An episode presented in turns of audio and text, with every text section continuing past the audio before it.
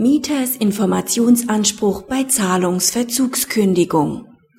Kündigt der Vermieter wegen Zahlungsverzugs, muss der Mieter erkennen können, welche Beträge offen stehen. Dabei reicht es auch bei umfangreichen Forderungsdarstellungen aus, wenn eine summarische Zusammenfassung aussagekräftig erfolgt. Die Klägerin vereinbart mit der Beklagten im Rahmen der Anmietung einer Wohnung unter anderem bestimmte Minderungsquoten, wenn die Mietsache nicht rechtzeitig fertiggestellt wird. Dieser Fall tritt später ein. Die Mieterin zahlt jedoch auch weitere, die vereinbarte Minderung überschreitende Beträge nicht. Die Klägerin kündigt das Mietverhältnis und fügt der Kündigung eine Aufstellung über die nach ihrer Ansicht noch offenen Forderungen bei Darin sind die vereinbarten Minderungen ebenso berücksichtigt wie die Verrechnung von Zahlungen durch die Beklagte.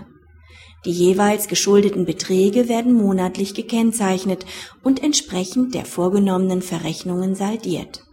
Nach Ansicht des BGH, der in diesem Verfahren unter anderem auch über die Kündigungsbegründung zu entscheiden hat, ist diese ausreichend bei klar erkennbaren Rückständen ist es ausreichend, wenn der geschuldete Endbetrag aus der Kündigungserklärung eindeutig ersichtlich ist.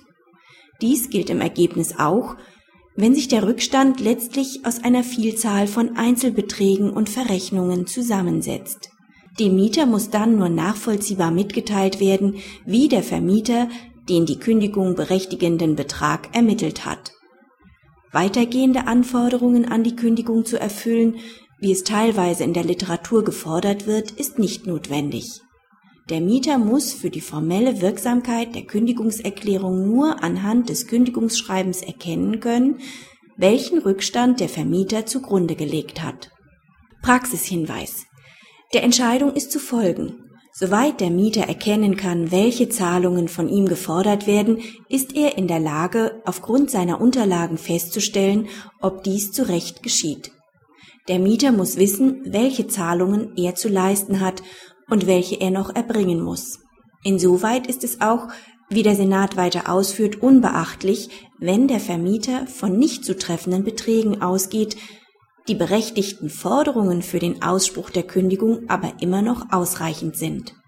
Denn der Mieter kann auch dann erkennen, dass er die Voraussetzungen für die Kündigung geschaffen hat.